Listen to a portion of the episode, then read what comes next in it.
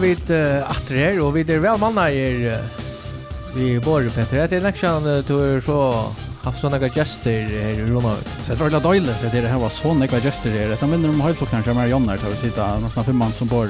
men vi er for det. Ja. Og det er Per Asbjørn, og så er Petter Hansen. Aknar Presta. Mm -hmm. Han er ikke per telefon. Stier.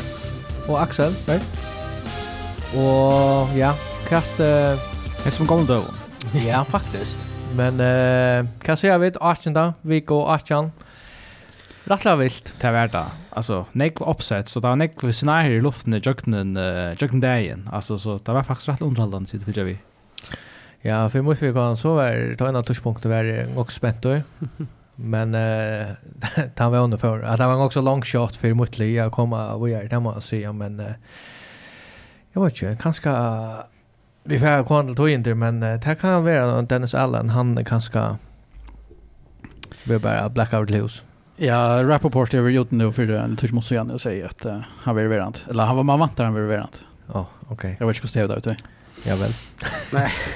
Då stackars skier uh, först uh, Tidja bort. Det var en uh, en försträckning av knä, liband i knäna säger man. Um, men då du gör uh, eller kan vara om du är missor och yeah. kan sätta så oss.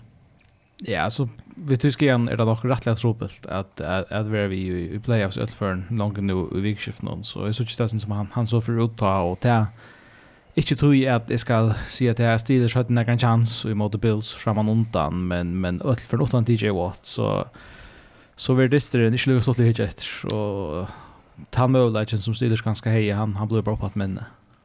Ja, den bästa världsspelaren i alla fall. Så.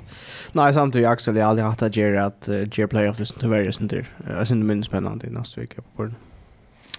Ja, AJ Brown knaskar ja. men uh, det är sorgligt. Det är ofta det är akkurat som uh, sust, alltså det, det är day by day och, ja. och så får de några spröjt och på ett land och så spännande säkert.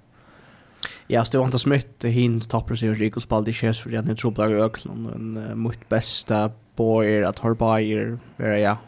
Som du ser sin nisch ja lappar samma, men att att där spelar går sig också format i nästa vecka. Men men det sa inte så gott ut Jerry Brown det var det var man säga. Ja, jeg, jeg visste det inte faktiskt. Alltså hade det vært nok så alvorlig skreie, eh eller nok så alvorlig slæ, eller kan man si, förridning han fikk av av knænen, og man mistankte jeg sin til crossbandet, ta beina veien, og jeg, jeg visste jo om kanskje Eagles halda løsene etter vi, at om det er noen forsikring i sin knænen, eller ikke. Um, det er ikke som spottet til at, at det var også som måtte hente galt vi, vi er sånn her, så det skulle ikke undre meg at han, han, han satt ut i faktisk sin dyra, skrev han, hvis han spalte. Ja, og så er det en... Uh Ja, man har vurst, at han har funnet kampgårdar, samla posta. Ja. Men kan det där hyper extended ni? Det tar man hur iver kan man si, man man försträckta för nek, altså man har bakt kan man till er så så här man man stretchar knä ut så stretchar man det for lengt ut och da är man uh, lenter skarft, det lukar som vi all på någon då som vet ofta om man kan fram han kan skära för långt. Ja. Att det och där kan ju geva. Så så du stretchar lite bond för nej. Ja, och så kallar det för en, en bone bruise så alltså att att en pastor är och själva knän någon isne. Alltså så det kan lättare komma hävelse och sort och i knän då som kan isen ge den också trubbel så när spela. Det är inte utlockat att han spelar. Det ser det är en en en outside shot. Alltså så en liten chans för att han kan han kan spela men Kanskje det klara sig utan honom nu, men uh, han er øyelig viktig för tar i playoffs. Han, han har varit fantastisk faktiskt alltså det är kanske minst en rookie tight end som er kommit in och har uh, spalt lukka väl fra början som, som han är Han, han har rätt för en uh, levera. alltså han, han är just. Ja, alltså man det är inte ganska tror man håller trade ju till Hawkinson i fjör alltså som är ju Vikings nu som är nu eller går tight end de också sen okej alltså också kanske då samma vi me Brown eh Amon så eh eller gott vap men men tar funder kan man säga ändå spelaren i draften som är vushar rika perfekt till tar tar offense på Kramata och Taveras inte trubblar där Goff eh åtta han visst Taver men till förresten en playoff det som vi glömmer ju också Alex Allen till så. Ja, vi kommer till Torres ner men Jalen Hurts sa ut som att det var kastet ja. Uh, tar skjøtt på en av veien at dette var fingrene, men uh, ombart tid alldeles spet. Finger for så ödla för nu li. Ta Men han var så brått. Ta klar ödla så ja. Nej, det är faktiskt inte så lätt. Är man inte brått över alltså och på maten hans när fingern. Det var var det inte lunchfinger mitt eh och och kast i handen av John. Fattar han med tejpar och sånt samma. Ja, men man kan så säga om det inte kanske avskar sin det kastar rörsla jag där att skulle och där där kasta vi vi står hur akra alltså till till er. Inte man kan spela jogging så men det är sick vid det att det kommer att avskar eller det det är väl förstå chanser för att att att hur akra avskar någon han som ska spela. Alltså han tar förvin alltid de flesta snappen alltså i shotgun eller pistol. Där så han ständer inte och färbulten färslö och han när han kvar med för snaps eh från från center men Men jag tycker det är mer sådär vi kassen och alltså om om för avska pressiona ett la ett akkurs då om om Eagles kan ska för denna bollen sen det mera än där annars att just. Och så var det ett uh, till Skranire men uh, det var en en en vitt jobelsen här och en fick uh, han får på uh, tackles, så du då. Ja. Ja, så var bonus för när det var eh Chiefs, nej, nej hin. Ja, det är Chris Jones, men det var en annan. Men kvar det som kom i tackles var det... Nej, han är Chris Jones. Det var Chris Jones. Han fick 1,25 miljoner dollar och i bonus. Och han, han var sindri onökt i början och Arnold har han... Gjorde han soffmallan och så får han strejk och bla bla bla så fick han det här bonus och han sitter i FRG i vår touch tackle så tar jag alltså ja han kom Och ett säkert. Och säkert, ja, ja. Men han, han kom så ut där och det var en vill jubelscena. Alltså, ja, jag vet inte om du såg det. Eh, det här för bara... Alla rutan ägaren. Ja. för Ivor och, för Ivor och Lucas som jubla och yeah! han så i fin då då de kanske kom så att ja han bjöar kan vara säga. han bjöd burgare i kväll eller sånt. Så han 2 miljoner bonus ja. Ta tack tack det är fair nog. Det är fair nog. Men... Uh, det här var ofta sådana klausuler uh, spelare på som performance, att det ska ha så sådana yards eller tacklingar eller så. så yeah. Det nej går du inte måste fram i, we got John och yeah. det är faktiskt några som spelar när tar, tar också ett syndrom. Jag minns att uh, ett klipp vid Brady och Gronkowski i, i Buccaneers tar jag där skidde ute. Och så säger Gronk, att, alltså tar tar faktiskt tekniskt ut någon. Jag manglar ett catch så här så här vi finns en alltså så får jag en miljon dollar alltså att där ska kunna ska köra det. Och Brady för så evigt till vem jag säger då vi måste in ett play. Och för han in kasta bollen bara bara till till ground. Och där för ett yard eller så då så. Men här var några något som mest vart och tänkt till till dömes att man var så täckt och ni men sen tog inte ni. Schalt om Dennis Allen var ut och säger att han säger till tacka och Victor ni. Ja. Alltså akkurat i hans för någon. Alltså inte är är inte att du håller att du pjövist är att uh, läta klockorna renna ut. Alltså största akta linjen jag menar vi så måste gärna renna in i största. Men den där kan vi fair, men, fair, fair. Till den vi fair play, det skiljer väl. Eh är, är inte sån akkurat sån uh, man säga konservativ att att du gör någon öll för när hade man spelat ganska intill man inte spelar mer, men uh, där kommer ju en upp, upp, upp, att han upp, Men det är Dennis Allen tydliga onöktor. Men men så I think alltså som som jag hade är är, är blasfemi så är det att det är spelaren där gera mot det som vänjaren säger. Alltså jag också bara det det största reja flatche är lunch jag har hört om från en vänjare. Att man säger att jag bara ta knä, tar spurte med om där kunde om där kunde den play säger nej, ta knä och därför och stad väck gera det. Och Kilchen kommer ut vitt att han ja, har sagt det. Så hej så hej inte sagt det alls. Alltså det var ju bara att ta av onkel. Ja, men det tror jag att uh... och han och han inrömmar det. Han har ju kontroll över alltså. Så uh, Arthur Smith är uppsagd av Luga väl om de får att ta touchdown i Luga så han kan akkurat i mina vi kan inte lägga i skvätt. Arthur Smith säger att lända det snarare det är bara jag får inte. Arthur Smith ska nog gärna säga att det här. Ja, ja, det är det som vi. Han ska vara över och han void han Mr. Arboy och det är han så just. Men uh, så att han får ut här och man kan kalla det att kasta spelare under bussen någon eller visst att höja lojalitet i fyra så att det alltid bara förvånat. Ja. Och så hände det för sig andra Eh uh, onkel rekord uh, vi kan ta Bill Belichick som vi då för att ta han nästa uh, han tappte mest uh, han är ajant.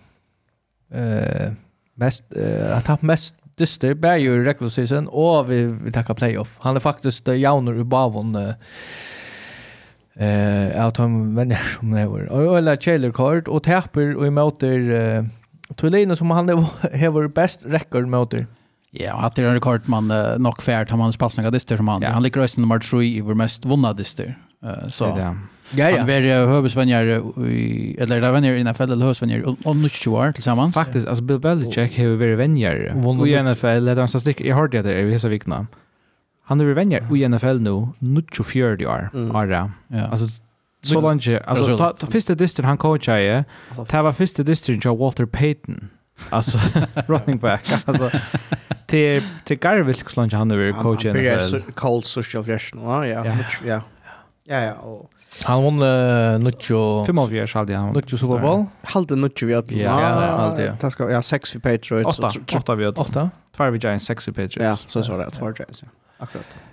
Annars en annan rekord och en rekord som ja, alltså hon steg i lunchen eh och det uh, han fick mest receptions receiving ja. yards.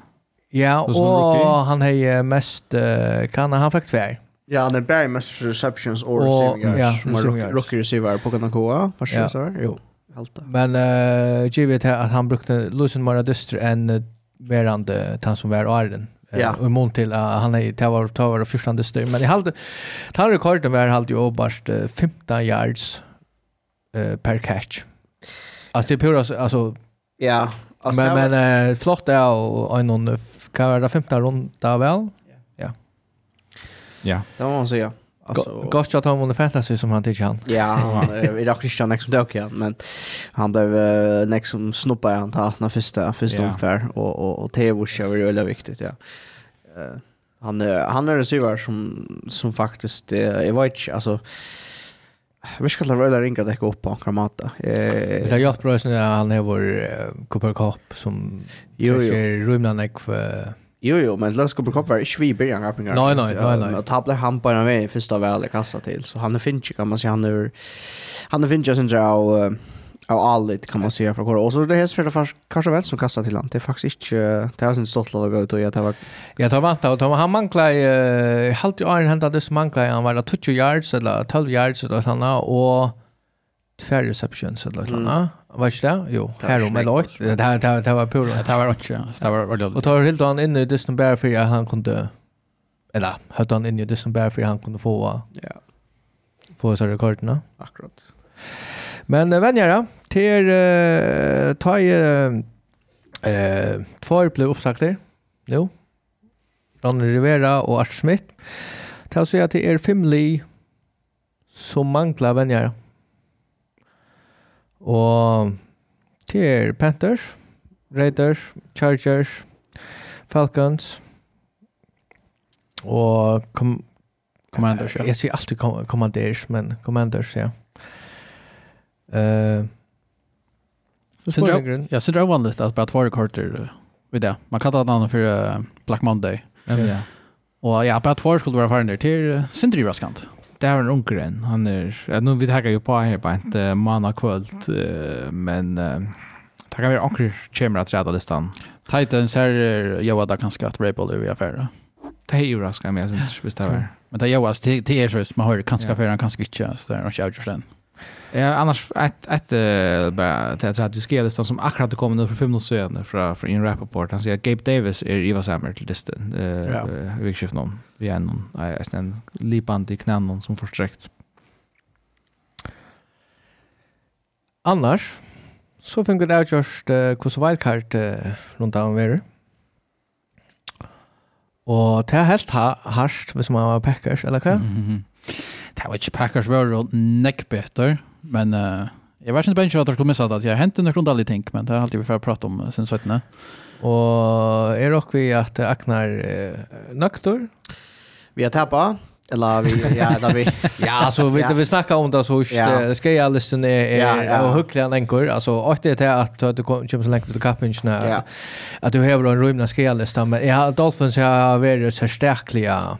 Ja eh är inte oheltier men tar jag harsakt det och olja och tojan på sjön här då inte ha en go on secondary eller halt ju inte nej alltså inte mont till nej det det blir liggla spelare alltså är också center mont till till så var average var helt okej så eller för average var det ordentligt gott och värjan värjan spel i alla fall så värjan spelar en av bästa snön i Arnon 8 då spelar så det 8 Bradley Chop och några såna där Kevin Hart men vi snackar om det sen rar nu. Vi kommer ganska runt alltså jag jag inte spaltar för att vinna och allt det där det ska man göra men jag vet inte om det mot wildcard är en kämpevans jag mot här på Disney. Det är akkurat vi Dolphins innan alltid som ligger bättre till Chiefs. Jag är överraskad att de klarar oss så väl.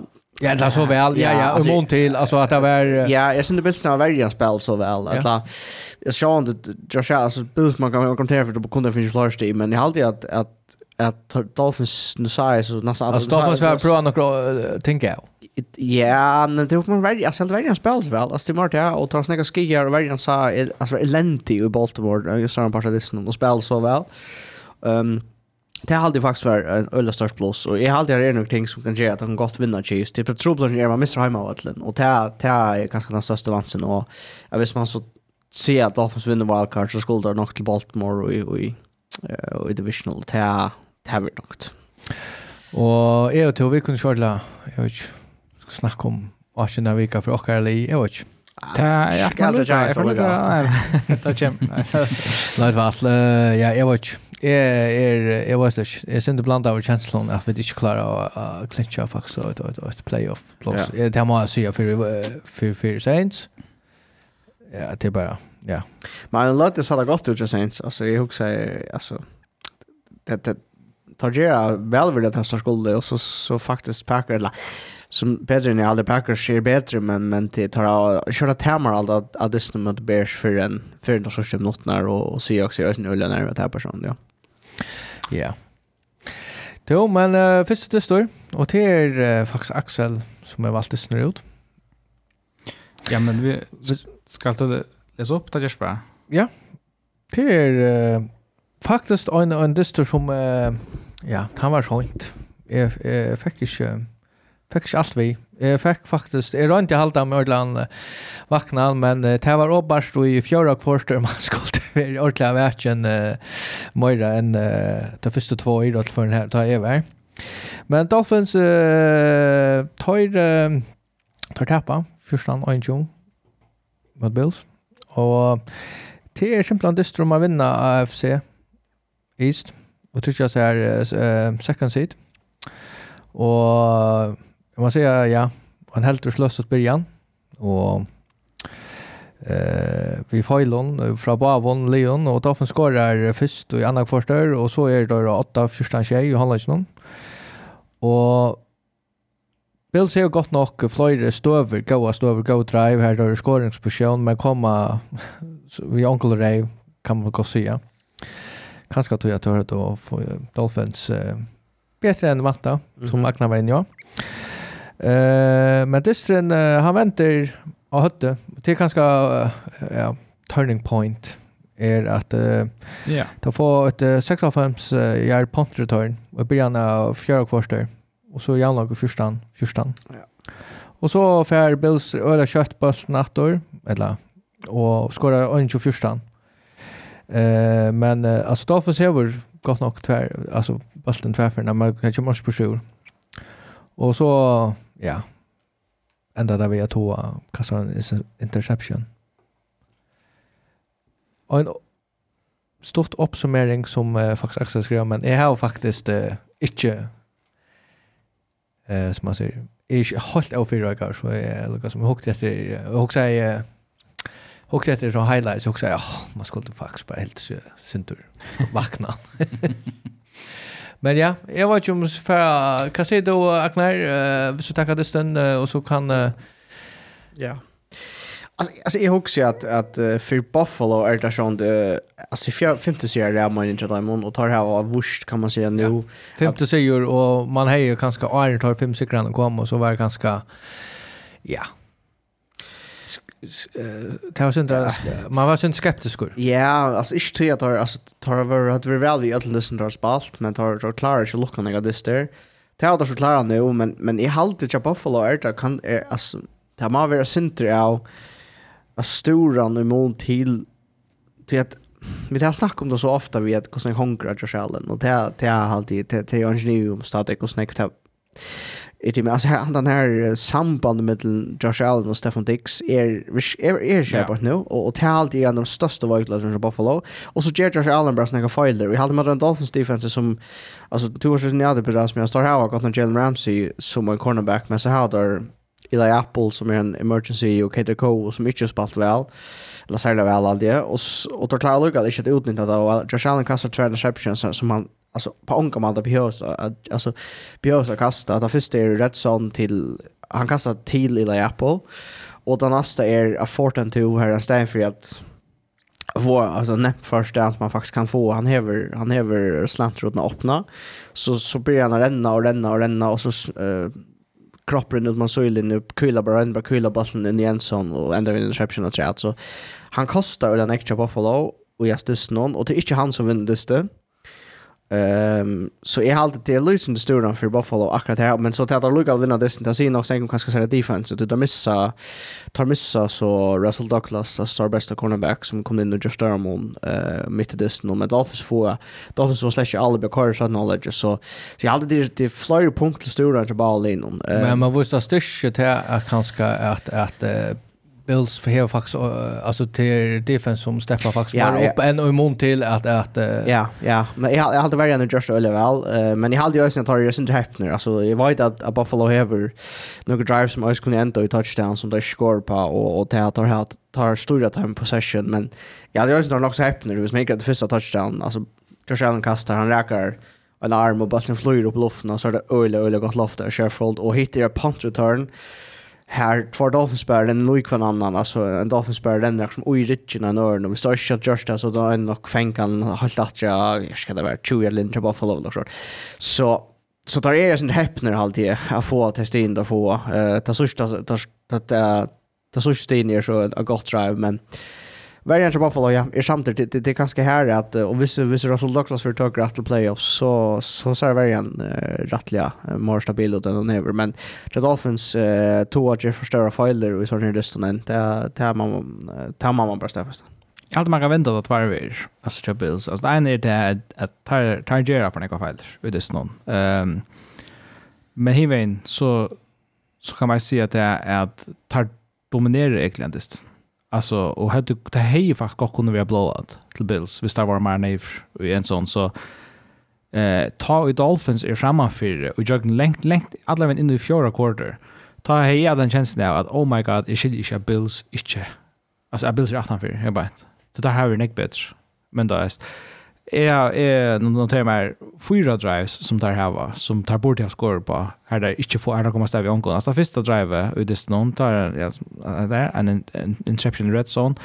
Nästa drive är efter en interception men han har fyra drive någon häver han uh, Stefan Dix pura fria till längt touchdown första touchdown som han missar han och så sätter kassan interception till drive någon så var Bills stäcker av ett yard linjen där på Arn Hollagen att vi kanske ja Det är inte det det att Josh Allen kanske han kastar alla man som är stått för linjen där och tog in den runt Joel Edge någon där sen några för nu ett sånt men och så börjar där eh tre quarter här ute i red zone och ha ett ett fumble. Eller här Josh Allen han vill sacka över fumble bulten tar fem trips i en zone och skor komma där vi vi första sti här var sammanlagt 473 yards offense men med första offensive sti Så man kan se att det är marginalerna som, som har lyckats så kommer jag göra det. Det är inte marginaler som detta tar vi men så är det att man kan se att det är punt return touchdown. Det är gott nog gärna och det är alltså sån är det defensiv uh, touchdown, special teams touchdowns det är synder en gåva. Alltså det är tillfälligt tillfälligt när det kommer och det är synder få tjej gratis poäng. Och då kommer på det perfekta tidspunktet. Och det är sån Jabils. och så så hon ta att sig ut och man kan se att det första touchdown där hinner vara var helt det det det var snart rätt nog. Men man jag vill säga i mig alltså att Tar kunde ganska gå följa där följa att den distan att alltså hvis vi var synd i my neighbor red zone så hade vi så hade vi så hade vi det var en blowout där bara.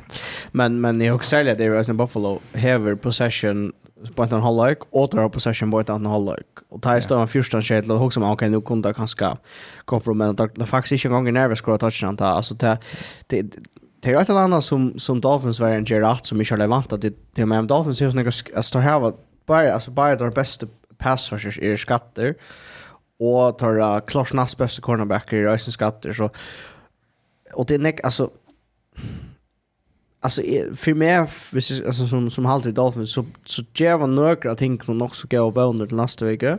Men några ting är ju sin sort.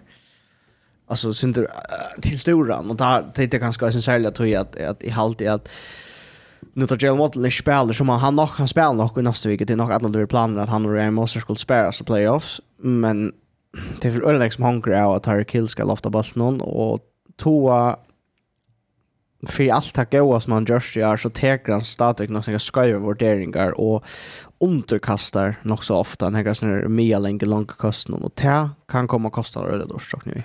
Helt inte smaka kan ha det alltså det här känslorna att alltså, jo, att välja här, här ganska nögdig med att Allega, man kommer ut til at det er fyrstandstig av allopp noen kjapp bills. Det er ganska godt ikke, men, men att at allopp ikke time timen og jogging distance ikke producerar mer. Jo, her er noen enkler inception. Ett, jeg hadde første drevet ikke dem, hade jeg en inception, och det sista. men det är väl ikke det här som är større antydning för distance. men faktiskt det er at der her var nok så riktigt att flytta bølt. Flytta bølt för ett, ja, Och det her var Dolphins. Alltså jeg hadde renna bøltene, eller väl. Alltså running game är väldigt gott. Alltså jeg, eh, Moses er ute, men A-chain renner, och og renner väl vel eh, til tog och tar få men tar alltså jag jag alltså elever att renna tar ger ofta att renna först en och och second down och så kastar det third down. Det gör det öliga ofta. Jag hade en sex shafer just det en gossver att det kanske mer och det här är plea där ska göra. Ta plea ta plea kasta bollen sentrar ofta än det. Och jag vet inte om det tog jag man är skier till man inte ska ta sig en arbetsväck från toa eller vad det är men running game Marik nästa vecka. Mm Och här här har alltid det så här okej okay, ut men uh, Helt då för denna bussen neck. Ja, det tycker jag. Det är också då för denna bussen rättligen. Ja. Är också då för att kunna kontrollera klockan nu i Kansas för gången där. Eh, uh, jag tror att att alltså Dolphins är ju är ju story wise man, man snackar ju när om kast i offense och det mest story wise. Alltså Ray Mostert har flest touchdowns i ligan och är running back on och AJ har det högsta snittet av running back on per alltså per yards per carry så och tar här en linje som då väl är omblocka så Jag tycker är samt Jag tycker det för en här bollen men men det är så vi snackar om i fjör. Vi snackar om hur stoppar du och någon Mahomes i hoppla till vi attacka tog innan från. Ja, ja, akkurat.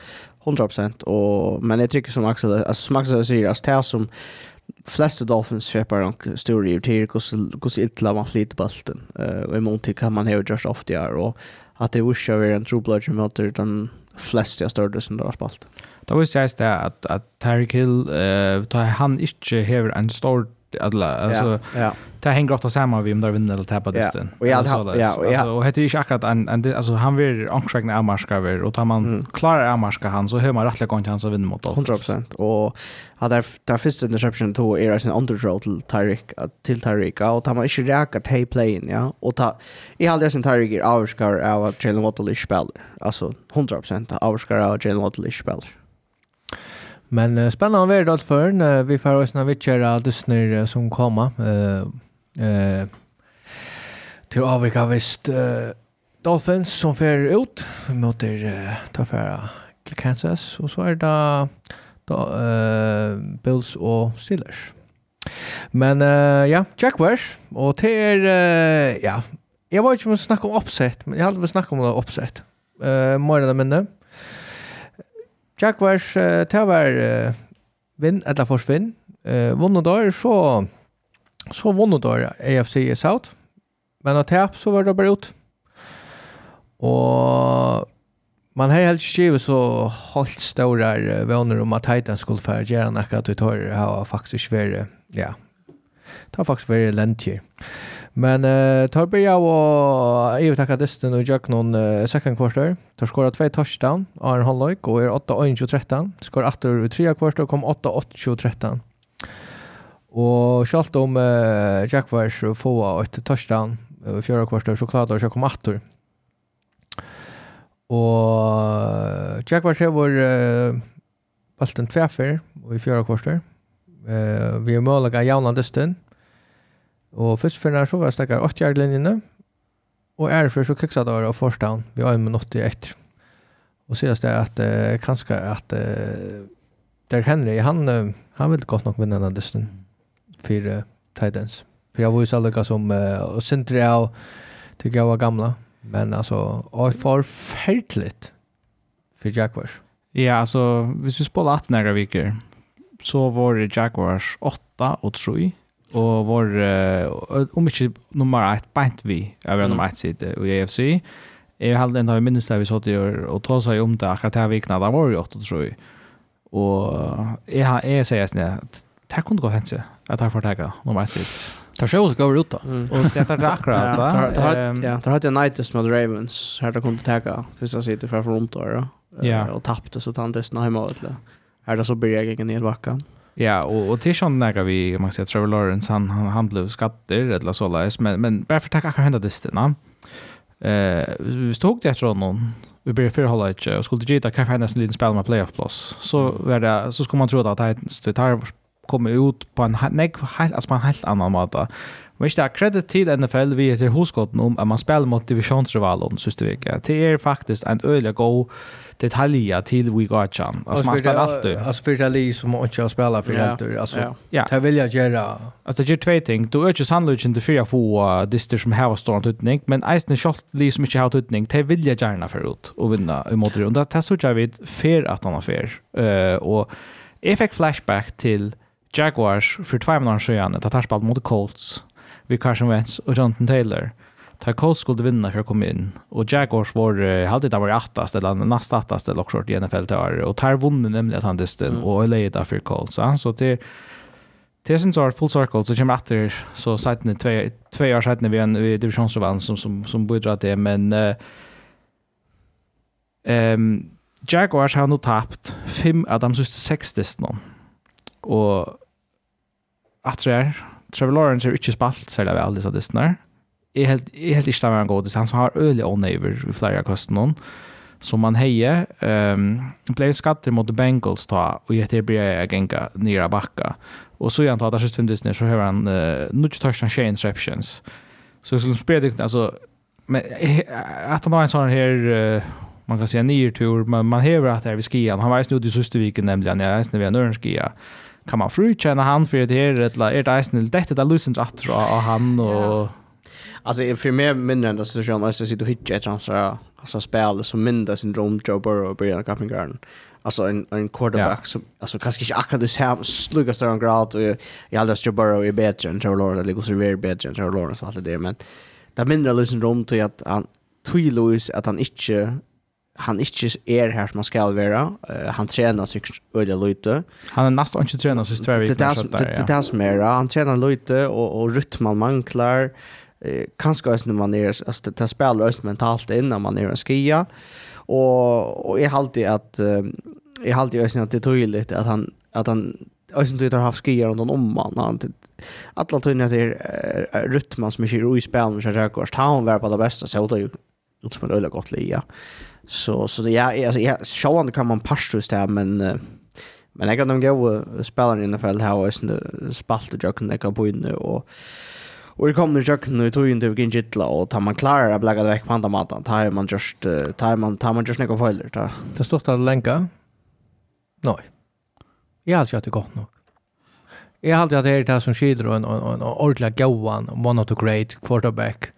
Du kan tacka Brett Favre, du kan tacka Sean, nej, Du tar alla de stora, tar ha gott nog spalt vi brott någon revja på någon och jag vet inte att en kan vara det brott på en nackan och då tar jag spalt och jag någon en rik för alltså eh och vunnit dyster och just det som skulle till.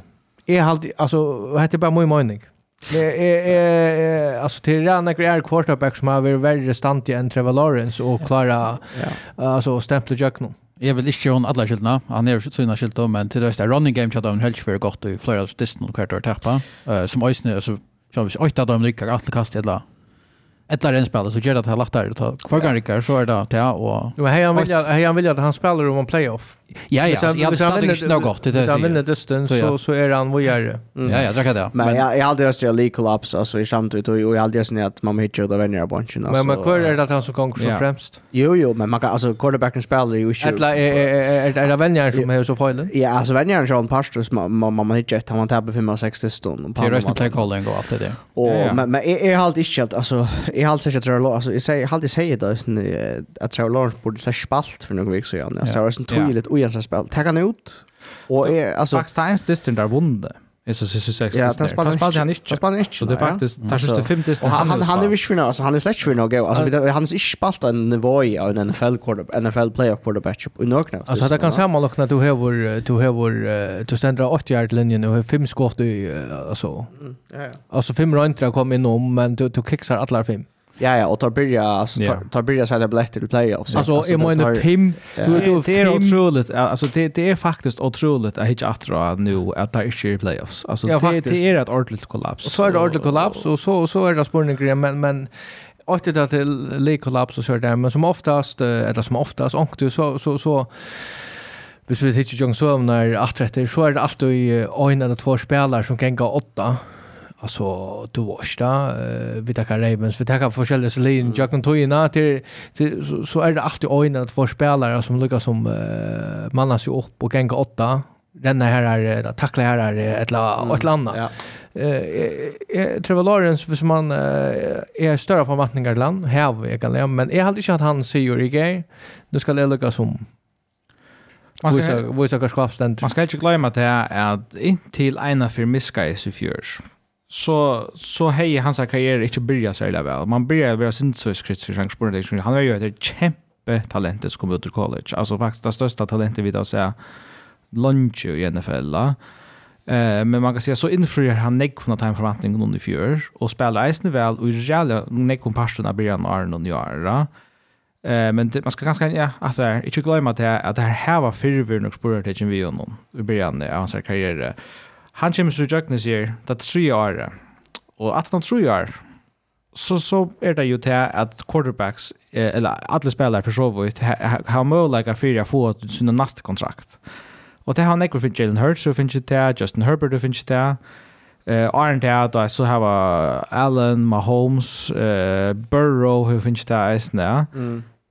Nu spurningar så kvat kvat gera Jaguars egentligen? Vi travel orange färdar Jevon så kontrakten färdar Jevon Justin Herbert kontrakt. Alltså då är det 5 år 230 miljoner eller ser man vad ska vi mo vi mo göra det ett år men så riskerar du gott att hinna inte han spelar väl nästa år och så är det 30 miljoner så är det 5 eller 30 miljoner då men hinna så så är det spread runt vi en spelare som som kanske inte var, var akkurat han spelaren du hoppar på när han var. Jag alltid en risk att jeg er Alltså jag inte ger en kontrakt nu till att at han, han er vært lykke ondt det här som Men det kan också, det jo også vise seg att det här for kosta. Ja, ja, men så, så, så er jeg helt til tidlig det.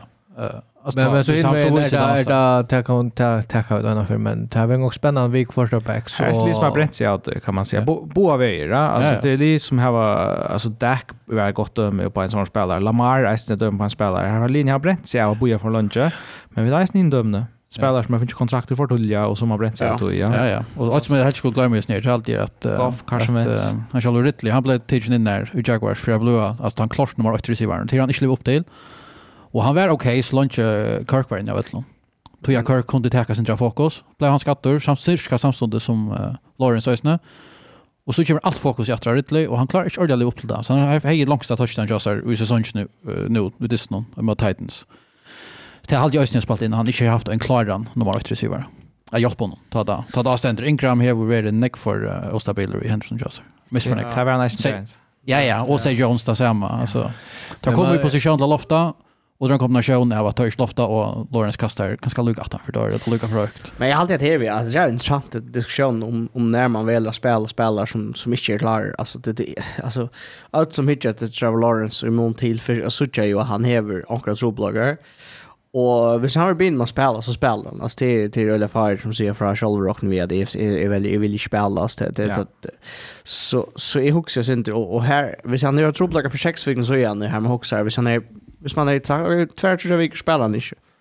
Det har jo ikke kostet playoffs. Alltså ikke, ikke på så størst kollaps som det. Det det där som är ja. Och ju han så gå en backup som klarar att fylla in oss. Ja ja, och så nu fick jobb alltså Chacho Burrow monte då så nu fick han sån annan skia som han ändå cappingar på men det var ju att att Tea Bengals ville trusha att Jackan skulle äntligen spela den första förra fem dessnar. Det var ju inte gott oskott då. Så Det fick Lawrence för det var inte annars grejen fick. Det var ju axlarna och och det är skillfältet. Alltså här och och så att det samma, vi står en en en skibein där. Det samma bara över och då så fast en skia upp i akslene till hon lite. det är inte helt tilvildarlig. Nej, det, det nei, det kommer nemlig at det er at du overkompenserer et eller annet steg kroppen. Akkurat det. Og en NFL-kappen är så stort, så man skiljer sånn väl alene. Men, men lastar vi så Trevor Lawrence för att her, eller lastar vi Doug Peterson. Alltså ständigt till svars för det som tog leverer av et sånt. Han och det, så ständigt till svars för det, och han säger men, men vennjern skulle kanske eisen tid jo Ja. Alltså så bare ett standa vi skilte Men är det uh, största uppsättet, största kollapset? I don't Hesa vi Hesa vikna hetta heter det största uppsättet som var. Men hade den största playoff kollapsen som jag kan det var att man never alltså man skal ha en sida att ta Sean ta visste man 100 procent bara skulle vara en serie träd och i sexan så stösten om man eh live nej tvårt tvårt tvårt alltså det är ändå alltså ankte jag så lite tappt för att sjuste eller så där tror jag tror jag sjuste eller men hade jag ändå helt helt vettliga kommer på en ja ja Alltså står vi matching Titans. Ja, ja, ja, det är så gott till det att är den samma vi tar som Derek Henry han hej han han spelade en öl öl gondist Jaguars fick inte täcka 133 yards en touchdown. Han säger Lucas som att inte farväl till Titans fjärpar att han hade den så och till en också jag som att Derek Henry är vi vad från från Tennessee. Var det det som du skulle säga nej det som jag skulle säga var att att motor AFC South Leon Här har han 108 yards per dist. I Jackson sitt. Det är också flott där. Alltså det är Så konstigt. Ja ja, det han är ju 100 och Hur långt är där han över Titans? 8. 8. Ja. Alltså jag hade han hejer 1000 och 1500 näka yards tillsammans med Rodgers i South Lyon. Flott. Men alltså det var också speciellt alla gång. Vi skulle tacka runt det av att han fär mikrofonerna och tackar för sig och säger jag fast mig hemma och jag faktiskt tackar han för sig. Ja ja, det är vant att han är Han är free agent, ja. Ja, vantlingar sucha i NFL faktiskt så där. Så spurningen är och otroligt att han släpper att göra det alltså i mån till ja. att det faktiskt är outjust. Alltså allmänt var det inte outjust är att han inte fortsätter. Det är helt klart att outjust är han han säger själv 100% by. Han säger att han tackar bara för det så Ja, Ja, Han säger inte att jag kommer chatter till att det här, han, han vantar nog en större kontrakt och tar er i en rebuild nu, Titans, för att så satsa på han. Ja, för att franchise tagga han. Det är alltså, så vill jag då bygga ligger runt om han Det det här som spurningar vi. Gör Nej, nej, nej, det räcker det. Men det här tackar vi tar vi det här är spännande kvar han ändar. Men Texans calls och ja, tror ju nu kan.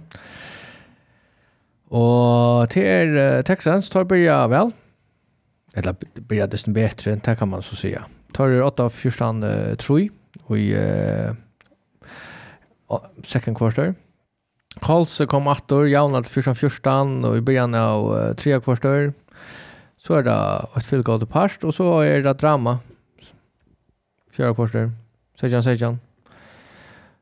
Og så er det CJ Stroud som fyrir gongt. Han har gongt alt år. Men jeg vinner videre, jeg er også imponerer av CJ Stroud. Kan man säga. sige.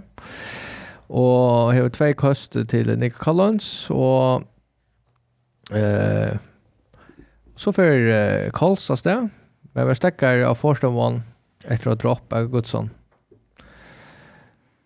Och det som är och det det du faktiskt skriver ner till det att Texans eh var ett öliga vanlandslig kanske vi tjock neck var här då inte vill gå. Ja, vi kör prankande. Men CJ Stroud har vurst kan han kvarstå bäcka kan göra för att liv. Ja, altså, her har vi nok ikke vært några rookie kort, eller noen quarterback som er kommet inn på henda matan i sitt første år, og, og setter uh, altså, stempel av at, altså Texans var jo da vanligste li i NFL i fjør. Så sammanlocknar uh, Oilar, han blev han blev en Oilar när vi uh, det som är Deshaun Watson. Men han är bara bättre. Ja, Tishan Watson kom eisen in på en öl imponerande mata. Um, ja. Kom där playoffs ta det gjort där ja. Ja, men han alltså han Tishan Watson kommer in och alltså han han börjar ju skapa en kanske men inspelarna det till på skatter. Ja, det här där. Så det var en speciell eh alltså han var han var fullständigt så ren i allt för struggles och så här och och som är så börjar också över till skatter. Ja, det var som hållt år han kallt kapingar han spalte cirka. Det var inte men Här här då så vi om jöknen gängande, jöknen ett helt år. Um, men är det imponerande av Texans att ta klara alltså det att det är inte alltså vi snackar Watson och tacka Stroud att det är inte det tror jag är rätt skuld om plätt ena för och ta det heter heter det heter det mest överraskande li i NFL gör. Till till Texans till Texans vinner divisionen av 2020 det är lätt inte. Mm. Tvås vi för för att det blir en och någon. Det är också att det är värdelöst. Att det är ett liv som ganska får att vara topp 5 topp 20 draft nå. Eh men maten han spalte på hur bara vi så öliga går och att det var ända den där ända den där någon han visste ju nästan några kvaliteter som är så jävla långt i nivå av kan inte förvänta en, en rookie quarterback. Eh han har två super plays alltså kast till Nico Collins. jag ser att ena han backar åter och så kastar han liksom bollen av en en ben med han han detta att det närmast Uh, tvärs runt banan till första han till till Nico Collins. Det var en tvärför när flottar att att drive någon vecka sex eller för ett penalties och han har anka incompletion, hade han tjej och tjej 8 och 8 och alla med en bomb till touchdown så Det var ju kan han är det av at han har sin big play ability og Luka gjør så få feiler som han gjør, så så framtiden til hånden og, og til teksten sånn er under öle björst. Ja, är samtör. Ja, ja, alltså det är kanske skön alltså Andrew Lock alltså det är sin här vid det att quarterback effekt kan man säga från början ja. Men till ösnen kan man säga Lee eh Alltså alltså Andre vant Andre vant en ekva Texans så gör. Alltså försöka alltså Nej nej alltså inte fyra för närma några Texans. Alltså Bill O'Brien han show som är uh, New Patriots organisation som sa är så knappt Patriots han var ju uh, alltså bara head coach och GM alltså han han bara var vänner och stod för inköp och nål och han tar här rätt gott liv i Deshaun Watson, DeAndre Hopkins och och JJ Watt att defense och allt det där tar ju playoffs, alla playoffs några arta. Men uh, han väl tar väl så trade att DeAndre Hopkins till Cardinals för en öliga bullen pengar i mot hans över dit här. Och det, det börjar bara så nyter och så så där allt det där vid Sean Watson och och, och det enda faktiskt bara vi att, att Texans alltså är, är det vanliga så ligger i alla fall. Det kallar det kan vara kunde samma och när det ska förklara vad hur så Texans vart. Det var som Wimbledon var för Premier League för några år sedan. Ja, ja, alltså pura alltså så kan säga. Ja, alltså ta Gällehus. Och det hade faktiskt men det hade faktiskt alltså jag helt i fjör var det sån där fight att det lilla var inte minnas Texans liv fjör. Så var faktiskt vi ju nog sen det Jag Och sen så Cardinals har vi är så tar vi sen den när vi nog sen det är sån fighting anti Alin och Anshover Lewis Smith det ju en är passa capping någon och men men det tog det de manglar gå och spela och så bitcha där upp och så alltså eh Demiga Ryan som som alltså nog eh hvis ikke han ikke blir, altså, altså Orsens venner, så er han halvt nær vi, og Hur skulle det vara annars? det är också Kevin Stefanski att lägga upp på i Cleveland. Alltså jag har alltid det torpar ständer med tar alltså Sean det Hickman alltså allt detta människor från alltså John Harbaugh och Sean det och och och samtal samtalen här alltså Ravens vänner i allt har haft ganska det mest imponerande area att någon. Men annars är det Stefanski och och Ryan så och att tar skulle vara så tatt upp att tar skulle komma på play och att är slash alltså läkt från i mina. Det alltså alltså Jag vill samtidigt om här, här spelar in är det ganska det linje som alltså man minst vattnar i att världen. Sean det är det alltid också men är Ja, men det är otroligt att vi kunde samtidigt vi går att känna alltså till till första när den var att han är vinnaren där som bara alltså det är så lejer något såna alltså att att vinnaren av distan någon eh för ju playoffs och tapparen får över ute i helt nästan oavsett kvätt. eh om jag oavsett kvätt så Det är inte otroligt att Coles tar, tar er i erbeint. Alltså Gardner Minshew, han kan vara stolt av det som han har levererat så han är kommit in för Anthony Richardson som får att skia för i Arnon. Och man ska inte glömma att Coles tar, tar må erkrasen, att han är nästan tror jag att Där hade ju, där var det uppe i 20 yard linjen vi uh, två mån minutter etter, eller en minut och 30 sekunder efter och och här var I play till uh, alltså uh, altså tar backup running back, som är blänka för years men han blir kastad till alla han misser han. Um, jeg skal si at jeg kastet er a lyd för hasta av jeg, jeg minns men ta hans running back, alltså, och kan sitta sinter 18-4, running back, men han ska ofte andre bulten. Så tar hade gått vundest. Alltså, ja. tar mot deg eisen för tar høyt godt vundest og, kom playoffs.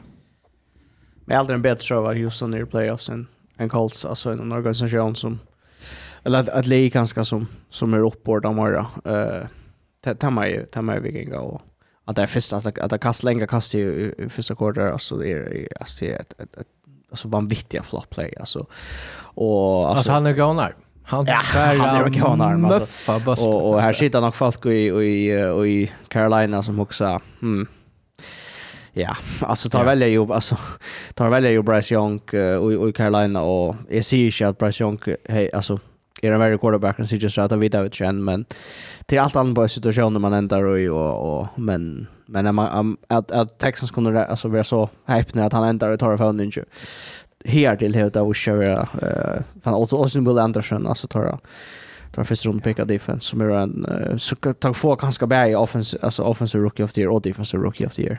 Ta det refererat där så sista Arja Texans isen så så där men vi ser bara distan linjen som spalt mot corner så styr och när man diskuterar det vi att har vunnit disten och får faktiskt väck från nummer 1 Ja, det är det som är. Ja, ja. Och ända så stämmer jag väl nummer 1 av nummer 2 hade valt nummer 1 så spurningen kanske att hade det om det inte Bryce Young. Då hade man tagit så om det ah shit nu måste man Price Young. Nu istället för ja. Så ja men sitter är inte också med det vi fotboll karma att bara färra ut och vinna ner och då är det det som ska till för jag Mental organisationen så ska resten nog lea sig kan man säga. Men men Panthers organisation är ju alltså kaotisk och till nu så gör det sen tar GM i Finchechen Frank Reich för session för år så så Strouder ändrar en bättre situation än än Young. Nej, ja. Det är bara till place i strategy. alltså Tom Hickerson, han lyckas inte en förstaårs spelare på några gamla. Han lyckades... Så roller ut. Ja, han lyckas en spelare som är spalt näck var i NFL. Lycka för att nämna Coles. Lycka att alla första. Vi kommer bara glädja oss till den nästa här, ta Anthony Richardson kommer att vi där kanske. Hur ser ja, alltså hvis han just det vi snackade om det just det som spel som är lite center till att han är så och ta kostar så en skios men jag helt han börjar kappen gör ju det väl alltså pura center det, alltså nu kommer alltså nu kommer Texans så och Browns har mötas och nu är det Sean Watson så skatter men det är ju är Vi snackar om golf och Stafford men det är ju snävare en, en fantastisk server för John. Och Texans Browns just och just om det här Sean Watson som rattar på in via Norley alltså det det, det är ju fantastiskt men nu får jag så sen gå och så vi flackar så. Ja, men hvis vi får tacka är det några är det dyster till vill jag tacka framom. Axel Lucas i Oxford Eagles Giants, ja. Ja, vi tar så snum med Bears och Packers, ja. Ja. Ja, ja, jag vet inte. Hvis vi säger Axel först. Vi släpper att täcka och en dustle pass eller kan. Ja, vi har det men här är Schranekers mot stora playoff implikationer. Vi kunde lukka nevna där kött alltså Eh, Eagles skulle ju gärna vinna mot Giants för att hålla fast i vann om att kunna vinna divisionen. Eh, men Tar blev uh, avsmurt, alltså verkligen. Uh, alltså, jag, jag vet väl att jag kallar idag att Giants får vinna att han distan, tror jag att Jack Idla Eagles, och alltså jag, min, alltså, jag är öjliga pessimistisk om, om Eagles, men, men på handamaten. Alltså, det var 24-0 i annan kvartal alltså Arne var hållag och alltså Eagles start touchen startar ut i första hållag alltså att det går ju upp bara alltså i annan kvartal Så och gjorde det redan några foiler. Ja, alltså helt extremt alltså stora alla fick inte rika men men det som är alltså värjan hade jag man är man närmast sig hette det man nästa i NFL. Alltså tar stäcka onkon och they play alltså Giants får flyr length plays. Här spelaren Basher Decker upp alltså här är också helt gal i världen i Eagles på nu alltså det är ordentligt det är faktiskt ordentlig krisa Pat Patricia. Ja, men det är släck inte väl. Matt Patricia. Ja, det är inte väl att skift. Det tar skiftet defense coordinator mitt i Aron Nagga som är inte alla minnes där vi hörst om man. Man ger så Lars Chan Lee som annars är i playoff contention som som där är så Det kan greie det, Kikos. Agnar, har du også noe som... Nei, Sen stottla stortla Buccaneers kommer in i playoffs, vi er vinner 0-0 av Panthers, altså. Ja, ikke, altså, jeg følte jo sin til vi för større. så är helt gjerne. Ja, ja, alltså. Men, alltså tar, alltså Buccaneers för sig gå. Det är ikke lengt, tar ikke lengt fra. Tar vunn och tar vunn och på att vara bara Lusen freer, ja, Lusen helgar. En vanna så li och jag. Ja, ja, och Buccaneers är sen det så stort till li alltid. Alltså tar det spela ordla väl så aldrig ordla stort legit jet men alltså det är inte och Baker Mayfield han snackar om kort alltså han han färg ju en snott där och han han är troblogger vi vi Ötlund och Jag tror ju på alla på Carl Fletcher och det ser ut som att nej alltså det kunde ju hända Saints för från Buccaneers men men det var så det var Luga vi att de skorar två touchdown och ett field goal där så då då kände vi nollstil. Ja, men annars kudos till Glazer. Eh Nej. Det är också. Nej, nej, nej, nej. Tre år i träck. Släcka, släcka. Nej, nej, nej. Men men jag jag har Buccaneers som favorit mot Eagles. Alltså som nu är alltså visst. Helt ihop. Vad då? Ja, alltså alltså heter er. nu då Baker Mayfield som fyra och vi Mike Evans och så har Tosh Knock för att skåra next day mot Eagles. Okej. Jag är så samtur vi Ja, Panthers säger ju att det är fumble och goal line. Ja, ja, alltså, ja. alltså linjen ner. lagt skört. Ja. Och där har ju ett ett ett fotboll här. Det var det här var åtta land har vi val i ena för rätt. Kan det väl lägga röst vi har skorat. Men bara säger att jag tar prekva bara passande som som man säger stegat halvan voicer. Ja. Men eh helt jo. Ja, jag bara jag säger bara Packers att Axel säger att han klarar sig att skriva om Packers och han sporde om det här i Jordan om vi kommer prata om det så är från från aftonen. Ja, vad du då? Men jag måste säga att här att här är är jeg var tydelig avnøkter. Vi åt play. Vi åt play ja, som jag hade vara så länge ute. Ja ja, men vi kunde också nämna att att här var det sex air partier till stället alltså Anchen hade ju till stället svinga en arm men alltså här var Hjelmer skrikter jag och så den sex fair och inte ett flagg kastat då. Då hade inte skiter undan det och stället var helt ordentligt samt över domaren. Men jag hade just att jag jag hade just gott att det kunde bli rött. Men hej är är passande att att det ser ju men hej är feels fortsätt så är det finns jag för alltså fullständigt annorlunda. Ja, alltså Bears ständigt ja. annan drive. Alltså jag alltid Bears ger inte nog för att vinna det stund. Jag alltid inte men men uh, Packers alltså tar ger tar lucka helt i alla det alltså. Och Jordan Love ger han han säger att han fumblar så här här också okej. Nu är hur något som laddar upp men men är så vi snackar man så vi snackar man så värre Packers som är Leach här man man går Joe dem att att det är har smalt väl nu tror jag. Men du säger Jordan Low är han Vursjan absolut. Alltså han är han är framtiden. Han var sövan och just det Ja, absolut. Och jag hade just en syndrin vid att uh, Fields var östne sövande syntor om att han han kan vara bekymrad om att det hustar runt väl. Ja, men det är det här jag också. Jag syns det är snart alltså jag också Packers tar Alltså är det inte bild så vis Packers spelar imorgon inte stå i playoffs ja, för. Men Jag alltså jag skulle komma playoff är slash vant. Ja, jag tar alltid öliga, öliga poster för Packers. Alltså det, det man snackar ju om rebuild där och allt det där. Så det är yngsta lie som kommer i playoff så igen nu jag tror tjej halvjärs. Ta Bearstart shirt då. Ja. Ja. Och jag hade ett fun fact. Ja ja, och och, och jag har alltid läst om sen början av Arnon. Tar man tar sig om hur ungt Packers liv är att alltså det är tre tre yngste linjer i Packers har ända så vunnit en och två dyster. Mm. Ja. Eh Uh, och så kör Packers playoff jag vinner Nucho. Vi slår vi inte spalt så vann alltid en av de snöden någon en rätt och vi väljarna är spalt bättre än två och så hade vunnit två rätt. Alltså kan ja. kan Orla missa det av golvet. Alltså det är så rätt du som love Jerry's det någon som som Orla Wiser alltså som är av högon klass. Yeah. Alltså kost som som är öliga och han borde haft att touchdown kasta träta snär helt han levererar en öliga gång på och som är faktiskt helt lockad disten på det här tidspunktet. Ja. Alltså är det i fjärde kvarter och, och det är bara det alltså han ansträckna häver hur kontroll av det men nu tar du också bara väl nu tar du tar som att här uh, flaggar som inte kom. Så kan man lugga nämna här var ett fort down som där förra och och som där faktiskt finko skott om tas ut som bollen inte var kom förbi stunchen att där ta där checka och och I'm out cha jag hade left tackle cha nej right tackle cha uh, Bears för offside det man kallar det inte och tar finko första hand då skorar och uh, a field goal åt vi driven. Så you win some you lose some. Det var det jag säger. Men shout out till Aaron Jones alltså alltså yeah. hade han kom åter från sin ski så blåan allt där och är verkligen väldigt viktig alltså och just när det sån där skalt man kanske statline i är vad viktigare alltså men tror tror tror tror just det när jag är 100. Det där som är alltså och och hade passat här som Jer alltså när man är en chans i januari. Ja, ja, och Jordan Love, han är touchande quarterbacken som är klara i vår, eller 3-2 touchdown ett liv vår och sen den första säsongen som startar. Det är rösnas flott. Mm. Det bara touch eller nutch error som har klarat det. Och han klarade det på Pfizer 16. Nej, yeah, säg John Disney. Det går inte. Det var ja, 16 16 Disney klarat det. Nu är han under att Pfizer. Ja, men jag ska lukka om om Justin Fields och Stone här på att Bears kommer ju drafta nummer 1 eh, i draften om Toyota Aya Pitcher Carolina. Ja, jag har också tackat där Lucas som uh, att han har träffna. Ja, men jag också spelar det kon eh alltså nu det här bear share bytes. Eh ska man behålla Justin Fields och så eventuellt sända det här draft pitcher.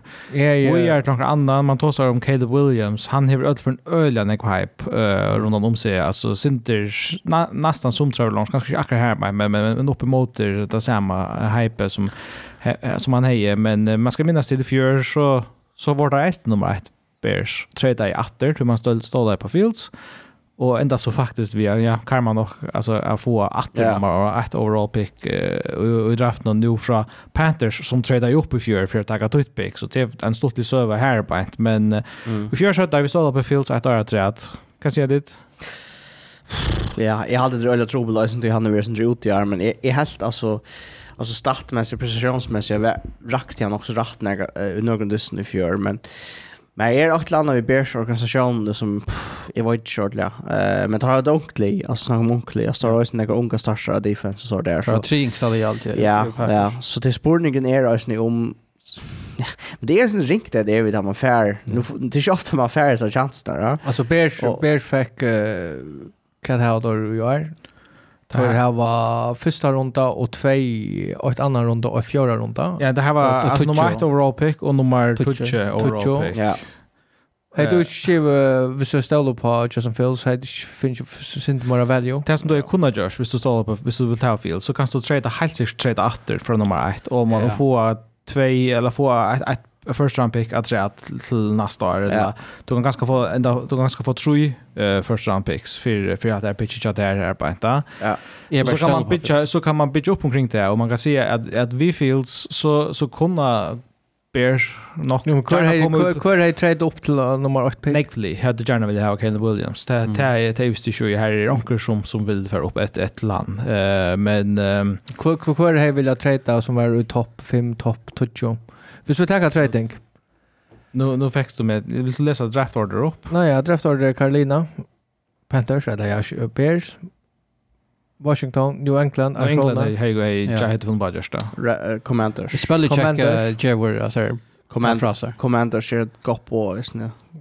Ehm um, du ska också minnas till att att det har ösna Falcons, Bears, Tar har ju snackat salary cap han nej. Broncos. Snacka problemet med Broncos. Hvis uh, Rodgers ikke fortsetter så Jets. Ösna. Ja, det tycker jag Jets gör där men uh, men uh, Falcons hade vi öjligt tror jag. Och så spår den kvart vill så vill jag ta det hemma.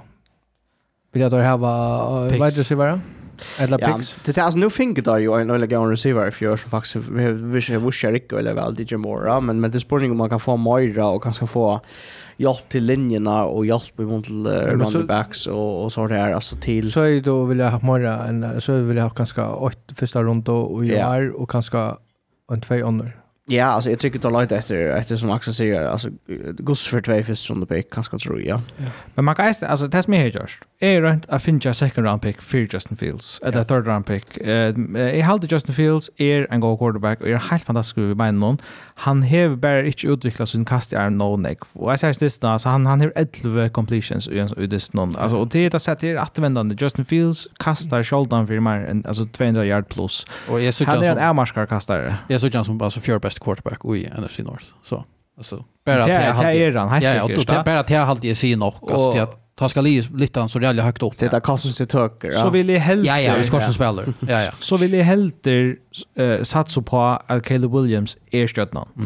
Och att tror du tror jag att det är ju att du ska inte välja att han nummer 8 till att akkurat snacka om du ska välja nummer 2. Ja, och det där rummet. Ja, ja, ja. Men men det var ju så att fyra vinner i NFL så skall du ha en av bäst quarterback någon. Ja till till alla för när den trickaste maten vinner på NFL. Och så hvis du inte hever tandspelaren av quarterback på så ska allt annat vara rätt. Men först då handa spelaren, Lucas som CJ Stroud, så täcker han driver alla era filer du hever. Så står det möjliga för att få att han spelar. Justin Fields vill inte bli att han spelar, men hvis Caleb Williams kan vara att han spelar, så vill jag hellre ha han. Jag vill nästan passa honom så det här ska det ske. När först att Lee kom Super Bowl 8 haft den bästa haft en gång quarterback. En go alltså cat en Gustav en go quarterback. Ja. Det var Eagles då där vann ha. Det var du ens så i regular season men false balls så det. Jo jo men alltså han är Nej nej jag menar vi så fast åter så är det Broncos Peter Manning. Ja. Ettla Alltså jag hade Steelers, så Steelers vinner fyra Super Bowl. Alltså 2000 2000. Terry Lewis vann ja, Nej nej jag menar jag menar du ska alltså det det händer det Scholtan. Steelers Steelers vinner Super Bowl ta första Joe Roethlisberger ta spelar han öjligt la och i Super Bowl och i playoffs generellt men men ju alltså Jag har sagt att Broncos har Per Manning kvar. Ja, han... Så ta var... Ta var Peter Manning, alltså ta var Tom Peter Manning som, som vi känner. Nej, jag ser bara han var inte skor. Jag ser bara han var inte köttnan. Jag mot till att det kräver du att ha alltså quarterback må vara uppe här inte hvis du ska alla med. Mm. Ska inte? Jo. Mer eller mindre. Det är alltid är ja, man man ska man ska satsa på att du ska ha en topp 5 ödlum för en etablera en topp 20 quarterback i NFL. Så du ska ha där näkra våner om att vinna i NFL, alltså att vinna i playoffs. Ja. Och så vi tackar att här vi draft någon eh halvkött. Eh, är det, är det spänningar. Alltså är er, är det alltså här är er quarterbacks som som blott oss här Nico. Ja. Alltså det Caleb Williams, det är Drake Mays, alltså Drake Caleb Williams spelar vi uh, USC. Det är Drake Mays som spelar vi uh, University of North Carolina och så är det Jaden Daniels som spelar vi LSU som som man häver um, ja, som folk är nog så spänt på. Och det spårningen om det äter nämligen då är Bears, Commanders, Patriots att ha ett för quarterbacks. Eh uh, och så är det alltid några intressanta spelare uh, i en sån sån draft och hetta Arre vill alltså att att det sig alltså hetta hetta Arre bättre än än än än vi snackar om ta sig dig. ja en fjör och nu och mån till era positioner vi ser det där att så är det också en ja ett för större talenter Ja, det går så uh, quarterback position, det går så sista så igen, det ser bara och tar kom. Ja, 100%. Sixth. Ja, ja, ja. Livs, livs så spes som du vill säga. Det här har vi sagt något vi. Ja. men uh, för runt har det varit draft och det men för runt vi går an till uh, Leot och till ganska nu men för att smoja. Reiters från uh, från Fordhöj Tar jag valt uh, två år, kanske har vi då två år träckar då inte välja tan coach som har vunnit mest dyster för då. Vi skulle spela hålla fast i Antonio Persson ja. första. Alltså att det är Östen Fjord. Alltså Ja, alltså nej, nej jag vet inte alltså. Och så spår jag Bill Belichick om han om han har såna största rör någon Cha Patriots som uh, vänner Det kan vara han kommer fortsätter och i Patriots organisationen till att det är bara riktigt som ett eller annat bare inte som vänner. Så synes jeg helt att en och så store instanser för ut vid Antwerpen. Men men jag också alltså det är är vi var som det ju mining alltså det alltså vi har så draft record det så stjärne om man ska hålla fram som en sån general manager typ det har alltid ju mining till att det är ju inte väl. Alltså det det är ju inte väl i röver. Alltså ska helt det bara revenir nästan vill jag sagt men Belichick har varit han vanligaste draftaren i NFL. Så jag har breaking news här. Ja. Är de med till? Dan uh, uh, Wink Martindale säger uh, resigna. Sagt upp. Det tror jag med. Sanjay. Don Wink Martindale has resigned to be more specific. He'll be co coveted and won't be out of work for long. Det här är ju överraskar mig rädda ja. Han har sagt upp. Alltså att han skulle inte väl vara i när Giants. Att, alltså... Men han, ja, han sagt upp. Han är inte blivit uppsagt. Nej. Det är det som aldrig är detta. Det är ju, ja. Det är som Jay lite Joe Giants. Han har gjort det gott. Arbete, arbete. Uh, men förstås med David Belichick, det är det som blir avgörande för Belichick om han kan fortsätta, det är om han är villig till två ting, uh, att det är släppa sitt grepp av avloppet och kanske få en helt annan offensive coordinator in det. Så är inte Josh McDaniels eller Bill O'Brien ska vara vidare än det här på ett. Ettla, nej, till det ena och hit vi så till nämligen ett uh, utrottarstör position att välja spelaren till att det ska inte vara han som som tar det här avgörande det häver han alltså största level. Mm. Det var ju han så hvis han klarar det, hvis han klarar att att säga att jag är för how many uppert. Vi så är det på att Ablova man kan se degradera över så så har han en en go on chance så är det på inte han är en god vän. Det är han. Alltså han han sa potential i Holt och nu är han en fin center. Han är god och ja. Men kvad är commanders alltså Rivera har sagt alltså Rivera har sagt för Starbo. Ja. PN med är offensive coordinator hur ser det här passa? Alltså Det är en intressant. Det är faktiskt en som som gängar rukt. Och vi Kelly Williams så går det bara. Och och några pengar i ägarskap någon till Jevon någon en gå lön där på inte. Är hejs gärna vi som får vi är så gärna vi så charge. Okej. Det där Ja. Alltså men inte nu om det att han är inte han är inte är biografi för så här finna en arbete som vänjer. Nej, nej, det är säkert inte. Alltså alltså det som Axel är alltså Bubelczyk är ju, han är ju draften när jag spelar den här men, men det sörste näck vi är nu. Och ösnen vi smäker i flera draftklassen här, alltså här är näckver, näckver spelare som man bara huxar. Mm -mm. Och ösnen väl när han tar tacka nu och några positioner så tar jag Gustav trade sig till receiver så där alltså där rickar inte och och är alltså jag vet inte. Jag vill realia Bilson om han får GM alltså uh, Starbank sen alltså Själv om det er. Men han björs ju blåa GM i uh, Peters organisation. Nej, nej, men jag tycker inte... Han har skrivit under en, en, en, en, en, ett för långt sommar vid organisationen. Det är ju en stöjande han ska... Nej, men så också man ska vara rådgivare eller vad det är som... Ja. Men, uh, men Peters kanske, kanske hade har gått av en luftförändring. Det går så nära som tur på det. Ja. Men uh, vi får hoppa vidare till han uh, lördagen, 13 januari. Ta sida vid... Uh, faktisk trutcher og da fyra er ikke vi heter bor ikke fyrir noe for det var ikke mer for ikke et lærdagsdessen vi heter bor helt nei. Men uh, Houston Texans og Cleveland Browns. Mm -hmm. to eisbæra for henne er til Jesse Linn som heter at trade for uh, nå er det 22 år siden til Sean Watson som får til Browns. Det er ikke til Sean Watson vi sier vet til noen men Hesa drapetchen cha cha Browns have hava hjälpt uh, Texans asinder till att uh, kan man säga pitcha pitcha det unga Leo. Alltså en en undersöva här på inte. Vi får några vi får några såna revenge games här på. Man finns det är sån öljan ny spalt Center Cinderella. Ikkje Ja, men, men uh, Browns kommer att vara favoriter mm -hmm. här. Ja. Och, otroligt nog kan man säga. Och det som är jag spänt på, det är så jag vad är det för Joe Flacco vi får på?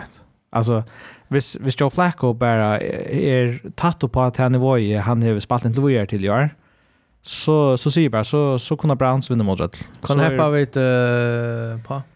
Eh Och det inte säga. Det är alltid isen. Jag vill läsa gärna sådär kvart för kanske performance CJ Stroud kommer vi. En sån där dist som sin första dista och alltså inte han får möjlighet för för att lägga bry in och liksom markera sig ordentligt av AFC i mitten det största ligan där. Alltså inte att det här är en lång just men att kunna sådär det i playoff dist så han kunde finna en eller en att fire eh playoff this här han ordentligt eh skunte te te hej Josh Naga för Lee och för han hans mening och och att det är sort alltså man säger välkommen till NFL moment. cha cha så där när kom fällt säga wow CJ Stroud är en kommande köttna så så är spänt på att söka nämligen vad det där för performance vi får från honom. Men flest uh, damer underdog såna men heter faktiskt fel som bäge. Här var kursen underdog så. Ja, alltså jag alltså jag hade inte alltså är inte så alltså extremt pilsna av Bills är ju i playoffs men när Browns har såg men jag kanske inte jag har aldrig hejda med att Shay Lin Arn Arn Gapgar Bria ju och särskilt att de missa uh, Chop Nick Chop och Östen att de missa Deshaun Watson. Ta blivit det sin sort. Men här uh, här har de bara tracka upp och alltså Lucas som Trevor Lawrence kicksar i femte styr Lucas och Nick Pevor comeback of the year not va ja, alltså här han levererar alltså jag menar det det tvär alltså det det alltså här kommer så att så som man visar hur snack för och här kanske tar Montel Vikings så kan Vikings se quarterback position ja det här då spelare som inte har er kära präckvar i NFL och och jag vet inte alltså som man har ett land ställe och inte vantar alltså Nick Mullins och Joshua Dobbs och så hårt att de skulle leverera men att Browns bara tar här spelare som som bara har provat allt för och har vunnit en Super Bowl och då han har ju snackat missa som så och och det det rycker bara och jag jag jag alltid man säger en en en fram alltså vi har snär vi Joe Flacco och Browns alltså alla Browns att att, att det är också stort lite att eller det är också surrealistiskt att ha ju bara passa playoff pitcher efter och eh mot lika där över för så nej jag jag har ju förser några men jag hoppas att alltså jag har stått lite stått om, om Browns vann. Så Stroud ska kan nog få såna playoff sister där rockar vi men eh alltså Bruce Browns vinner så kommer det nog att så kommer det nog att möta eh ja, det är så Buffalo, Kansas City här loj, alltså, eller visst, visst Dolphins vinner, alltså. Så jag tycker vi att alltså, det är Browns liv som är chans att komma rätt längt. Peter?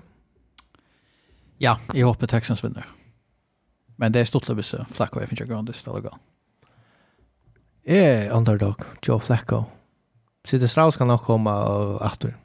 Alltså jag vant jag Browns för den där Browns är lite favoritar minus 2,5. Och det är ja, det är Vi måste se det bara. Vi ser ju så här filmen Draft Day, hicka Draft Day. Ja. Han han är för orealistisk. Han är för han för Hollywood. Ja, för Hollywood. Till, men så får vi till eh ta så Andersen. Och vi börjar bara vi eh Peter Chiefs Dolphins. Ja. Det vi vi har vi just oss nu men men men är är är det till så nästa som talar för att alltså favoriten jag har sjukt ett höll men favoriten till er så Chiefs och så nu mont till kaffe vi då snack om Dolphins ska ta Andreas vi men särskilt ut från ja nu alltså så står formkurven i Chad Dolphins och nästa skattespelare och kanske körda vi optimalt spel. Men Chiefs är helt ju här. Så jag glömmer nog snägt till han och Disney för så tjock för är det som som räcker det egentligen? Jag tycker väl att han alltså vinnaren verer han som spelar bäst showande alltså och här tycker vi att upside i Dolphins är större än än Chiefs. Eh uh, alltså jag tar det här potentialet att spela så jag nick bättre än än tar bort nu mot Chiefs är Dolphins så? Ja. Men tar jag kvitt några spelare Chiefs? Ja, så det som är halt det värsta hitcha efter, det är uh, kat är för Chiefs liv vid vid två, att det är att som hikker etter hva det er for kjøpslivet har haft enn en, i år, så har vi haft et liv i en, en, en, en topp 5 verje, men et avlov som rødlig mye. Men du har hevet, du veist at du har en, altså den beste quarterbacken i NFL, og du har, vil jeg passe den, muligvis den beste venner i NFL, la. så man beskriver hatt av liv i dikken i playoffs.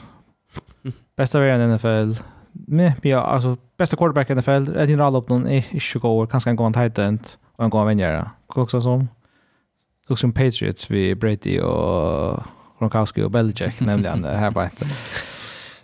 Så, så det är ganska spårningar ska man bröta maten man hickar på Chiefs och center. Eh typ men hade haft en uppskrift för succé. Det är det hårdaste allt. Kjolt om man kan vara öliga bench för att att åh oh, hade alla behöver så vad man samarbetar här vi tar alla behöver vi ta se. Det är syster Arne tar det rätt att ha alarmklockorna uppe. Och är jag snä jag har alltså mina bekymringar för för Chiefs tror jag att det är neck things som är vanligt att de gör men man ska inte glömma att det går så går vidare faktiskt har haft. Och som folk säger att det är defense wins championships jag vet är mer en sån offensiv är då blir all upp men Jag hade eisen til att alltså så sa han her, at offense är emot måter eh Chiefs. Om tar klar flytta bulten av Chiefs så, så pratar vi om distan till att uh, Chiefs för inte skåra 30. Uh, ja. Det är det här som jag också vill avgöra. Det kunde vara gott. Och spårningen är nämligen vända den nu. Färda Mahomes knappt igen att snacka ut och hitta och få det. Hava Mahomes vet Han han har inte varit till att känt att göra. Och det kan gott vara vi får där. Är vi så tjau. Wow, hatta ta Mahomes vi så så för. Hatta tamma Mahomes vi så för. Lägg det för näck av Mahomes det offensiva. Det du säger där han är vår Ligra Holmes. Ja, alltså det hade inte samma som tar som Lawrence alltså det är det tar tar gå och skulle tracka tid. Men alltså vet jag så för dyster Chiefs här kanske Mahomes över alltså är min ankra stöver han han borde väl säkra över fem för när han alltså är min seriöst han är kanske som en sån åttlor. Ja, jag hade ganska Chiefs ränna på för lite jag tror. Eh tror jag tar jag faktiskt på en running game. Eh ta ta Pacheco alltså Pacheco spelar ordentligt väl ta är han rättliga ringa stäcka. Eh men jag hade Chiefs som gott Jets. Alltså jag var kan axla man vi pro alltså det är sta explosiva Chiefs 2008 alltså från 2008 till 2022 eller kan det kallas så era. Men det är Chiefs li alltså en Dolphins varje som kan knäcka. Men det är ju en Dolphins li som kan skora 30 steg. Shot under Arrowhead. Viss uh, bottle spelar hvis vi også spiller, og hvis det er få akkurat er, er ikke. Så er det vekk noen og alt det der, og, og jeg, altså, jeg hadde sett at han har Chiefs verja, man, man kan skåne med det gode skåne ned. Men tror du mer på, på Dolphins, uh, uh, det offensiva enn det defensiva i Chiefs? Det er en jævlig god spørning. Uh, så jeg vil ha sagt ja. det, for at, for at Dolphins skal vinna, så skal Dolphins ha bollen. Ja Ja, Dolph ska... Alltså i mån till att du, du måste ja. locka Mahomes nyer. Jag följer sin rädd det är Dolph ska stå i klockan, ja. Uh, och ta över trubbelt, men jag har alltid att ta mot morena bulten väl. Och så måste ha med all uh, defense shot offen som ja. knackar. Ja, och ta över trubbelt, alltså tar man ner många av de bästa passagerarna och vi ser Howard inte på det taget så så blir det väl tänkare men um, men Dolphins är nöjda att skora steg och de är nöjda att, att kontrollera klockorna och, och, och jag vet inte alltså. Vad säger du? Nej, alltså jag var inte Chiefs alltså det det det har alltså Chiefs det det Leute som Chiefs har hemma åt i playoffs som det nu och och att Dolphins liksom vi säger vi att Dolphins för en månad så igen och fullt Sen det skär där när sker. Ja, men kostar det här som jag tycker på. Jag huxar center, jag huxar center alltså gal. det ska vara att Dolphins så ska det vara nu alltså utvalda med där Super Bowl vinner någon folk kan ska rockar inte ut så är det nu att de skulle de skulle tracka till men men jag tror att Dolphins vinner ute mot Chiefs så är det gott nog contender.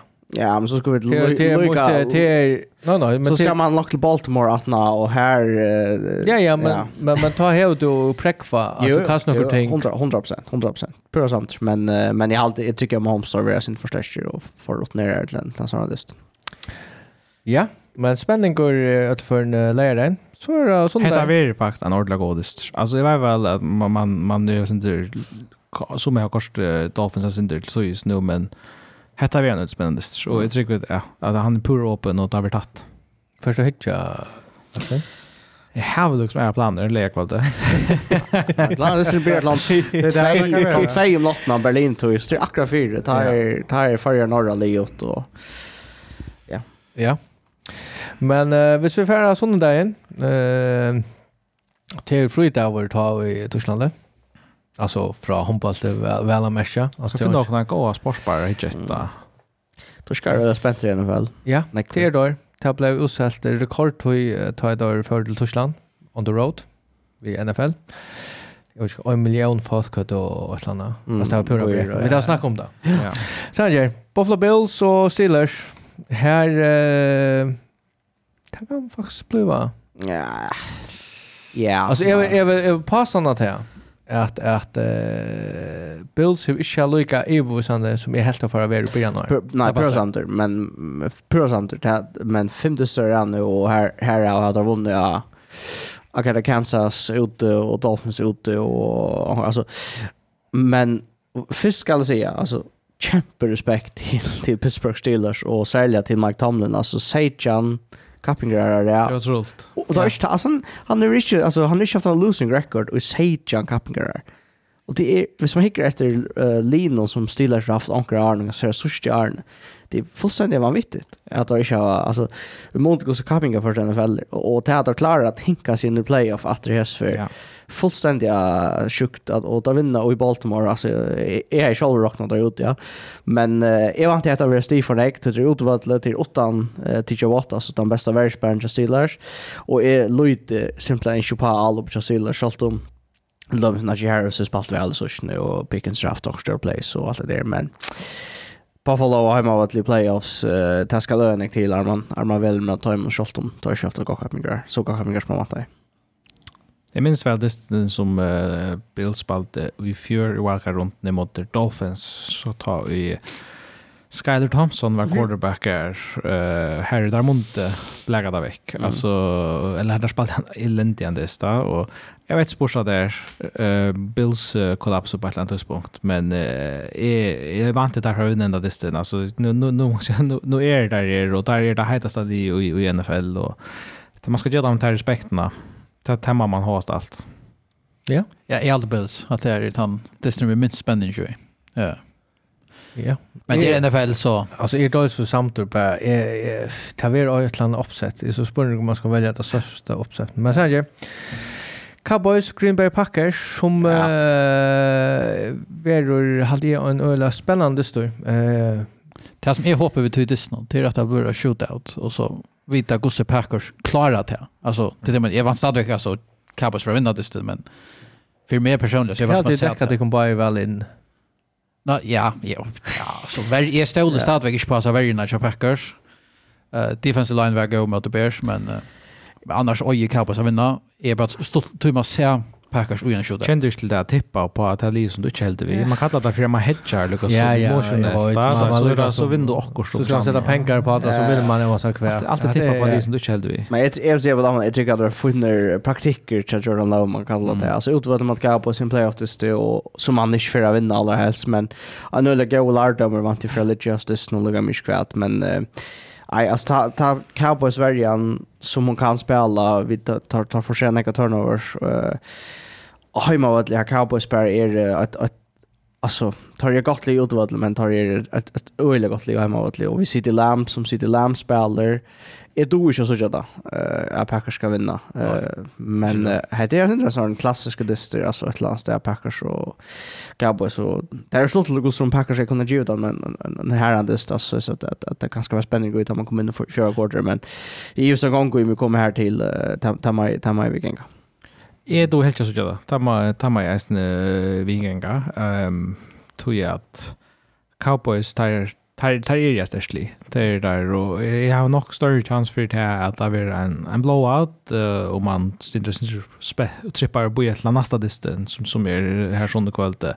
En till att det blir en sån som för alla vägen down to the wire. Eh uh, det är också det är cirka det är cirka samma sannolikt inte för för det här bara tänkt men men jag har inte så jag packs vinna det. NFL hävdar nog skripta att det blir tatt. Ja. men uh, ja. Det är stor anledning till vi bor i att det är öppet för inte Green Bay som nej, uh, är lite som Uh, men det som ska hända det är visst det är De stäcka running game till Cowboys ordentligt som tappar till att göra. Det är inte utan bästa listen, och Packers chansen att kontrollera klockorna uh, Aaron Jones uh, och kompani spelar väl och, och att Love spelar utan alltså utan stora filer. Och Cedar Lamb uh, ja. Bekler. Men, men det, det är nämligen det som är ihåg. Ja, också, ja. Alltså Cedar Lamb, var, alltså, han, han, han är faktiskt... Han väster är en väl bort nu, som han spelar bort nu. Men det är det som Packers ofta vill gå till, utom dysten och har vunnit, det är att kontrollera dysten. Det som jag vill pröva, sig Packers innan stöv och kvar är det shootout. Alltså, klara då att komma nu yeah. vi, vi alltså quick drives och skora. Hur ser vi Christian Watson kan är några chanser för en spelare? Det var var slätche. Det kan vara ett störst plus. Ja. Ja. Men, Men största problemet med Jordan Love hade just nu är att han kastar ofta för hur kallar man det? Alltså han kastar Alltså han kastar inte för sent, men bollen färdas i luften för sent. Alltså på tandvatten för sent. Att spelarna måste bo i ett bollen. Mm. Uh, till, öl ofta till Watson, nämligen att, att han ja. ränns eller jag ska inte han ränns så kött, eller Jordan Love bara kastar för sent. Eller för späckligt. Att, Man ser ofta bojar, aj så är världspelaren här och så får han bättre ner. Akkurat. Liv. Lions? Ja, men alltså... Hette distren. Hette distren. Lions och Rams är ju... Ja, och till, till bakgrundsövan som, som ger han så fascinerande. Mm. Du kan det nu tre år sedan att Hesseberg Line till trade quarterbacks internt. Alltså Rams tar vår lite när vi, vi Jared Goff tar så i han som ett en en ett färdigt eller utdett projekt här bänt och Eisen Stafford uh, i, i Detroit här var det något som är uh, runde fast inne i muren här bänt och ta trade som vär tar vara ganska sinter till att Rams vill uppgradera av sina quarterback position Och trade så man kan säga gav plus två första picks för att få Stafford med Men Lions kanske hade bruk för nutcha krafter, men golf var nog mer en övergångsfigur i Detroit än en en Stafford var lite näsalt så på att man uppgraderar, ja. Och gå jobbet så kommer där här spela och emot corner nu playoffs. Eh djupt fascinerande. Jag skulle så mest Stafford för till Detroit. Här mm -hmm. han är populär och så jag golf för spel mot där eller Rams, men, men ta det är sagt, så må jag så säga, alltså, så, så, alltså nu några 20 år sedan, så, så har man nog kanske chatt på det som, som en lycklig skilsmissa. Att, ja, ja, ja. Det är en time trade någon, Harry Bailey in i just nu det- säga att ja, ja. Vi, vi, det var gott trade för Bailey in till är ja. att, att Bailey in är nog vid trade, men, men det för någon så, så har Bailey in finns ju bättre bostrur. 100% Rams vinner ju Super Bowl, ta, och allt, allt, allt är långt satt satsen någonstans och Luka komma fyra i fjör och nu är det efter playoffs. Alltså vi har någon onkel nia, alltså också onkel nia. Eh här så Stafford så Sean Static är och Alltså, alltså jag vill säga att på samma sätt att uh, alltså det är sånt paradoxalt lokal och, och Men, alltså, alltså överraskar är Rams kommer Ja, alltså i mån till kollaps. Ja, kanske jag säljer till Cooper. Ja, att det har kört upp i att ja och kanske tror jag att Ösen. Vi hade alltså i början av Iron hade vi gott nog och när helt är det mål med Ramsley. Man väntar ganska att för att att vara bättre kan sälja Stafford var någonsin en skatter i alltså skea på var för men att han får ta tog att det kanske kör jag att det får komma playoffs efter men på kan gå hemma ju så för framför vi en surrender receiver var och Karen Williams så samma Ronny alltså tar tar sign snackar man draftar alla tar sign runt pick och fantasy Ja, och här alltså Sean Sean McVay har nog bara sån vuscha vara en ölla alltså åter vuscha som en ölla goa användare. Och han då har satt där Donald och att det där och alltså nu nu kunde alltså nu kunde jag att anta Lions och Alltså jag måste säga tyvärr är det alltså jag följer synd att det är ganska för att över om Lions som är Matthew Stafford kommer in åter till Detroit och vinner en playoff just som har ju varit där alltså ultimativa alltså knuven i hjärta till att han jag vet inte om han fick en playoff just i Detroit men hade han spelat två playoff just för Detroit och Island kvar. Han där hemma bara. Han går hemma bara. Det första i Detroit så han tror jag tror jag ja. Så var det tror jag fem så på hemmabana. Ta vunder liga in eller division. Det är Atlanta Bears Centers har. Ja, ja ja och Stafford fick ju så playoff test men då kommer ju där kvar och spelade ut vad det allt det där. Eh jag hade en spelning jag om playoff this som Dallas som minns rätt. Mm och i Dallas men alltså alltså vi ser bara så ska alltså valt det så så hade Lions som ett li Harry Lucien Moira och kanske sälja om Sam Laporte är klarer och i drar running game och allt det där. Och men är typ är vant att ända bara vi är och det ja och det det är så allt. Okej så släpp ska tippa det sen. Kat, ja. säga du Lions alltid. Alltså jag hade jag hade det syndrar som kom 50-50. Mm. Uh, men är si uh, Lions men jag ser att här Rams är Får se det Lions. Jag, jag hade linje, jag hade linje är Lucas Dersk. Alltså det är cirka. Alltså Rams har en kvalitetsspelare av någon och vi tar sett att Josh Dafir och vi tar vinner hända distan och för vi är så kunde det ens nog att ett uppsätt mot San Francisco. Mm. Det är ja. så så galet där så tar tar är farligt. Ja. Rams så men vi tänkte så alltså Lions kan Lions är en contender till att vinna NFC. Stadväck. Ja, jag jag alltså det som är fair på att jag syns tror jag på runt alltså jag vänner på posten och allt det där och och kanske till att uh, jag vet inte Rams har luckat jag syns vi uppe efter Lions. Jag vet inte alltså för det var från Eckford då alltså det så stövande först för jag vet inte Det tror jag att jag är på Jamar Rams men det ska 100% att Jared Goff är kanske den mest motiverade spelaren i Big Nation. Alltså det, det om som vi där Max vill ändå nog rycka för båda parter han har funnit och Oleg Ghost i Detroit så det är han som blir trader för en annan quarterback ta för två månader sedan så så han får runda alltså alltså Jamar Moran mer än allt för att vinna eh alltså en gammal arbetsgivare. Jag jag säger till Alliance vinner tror jag tar av alla vinner och inte tappa. Jag har Samma kväll ju mer att hjälpa när vinna. Ja, jag vet inte. Alltså, jag också bara åt Alliance eh, hoppas att jag också ut eh, tar fyra och tjej och bara för ett.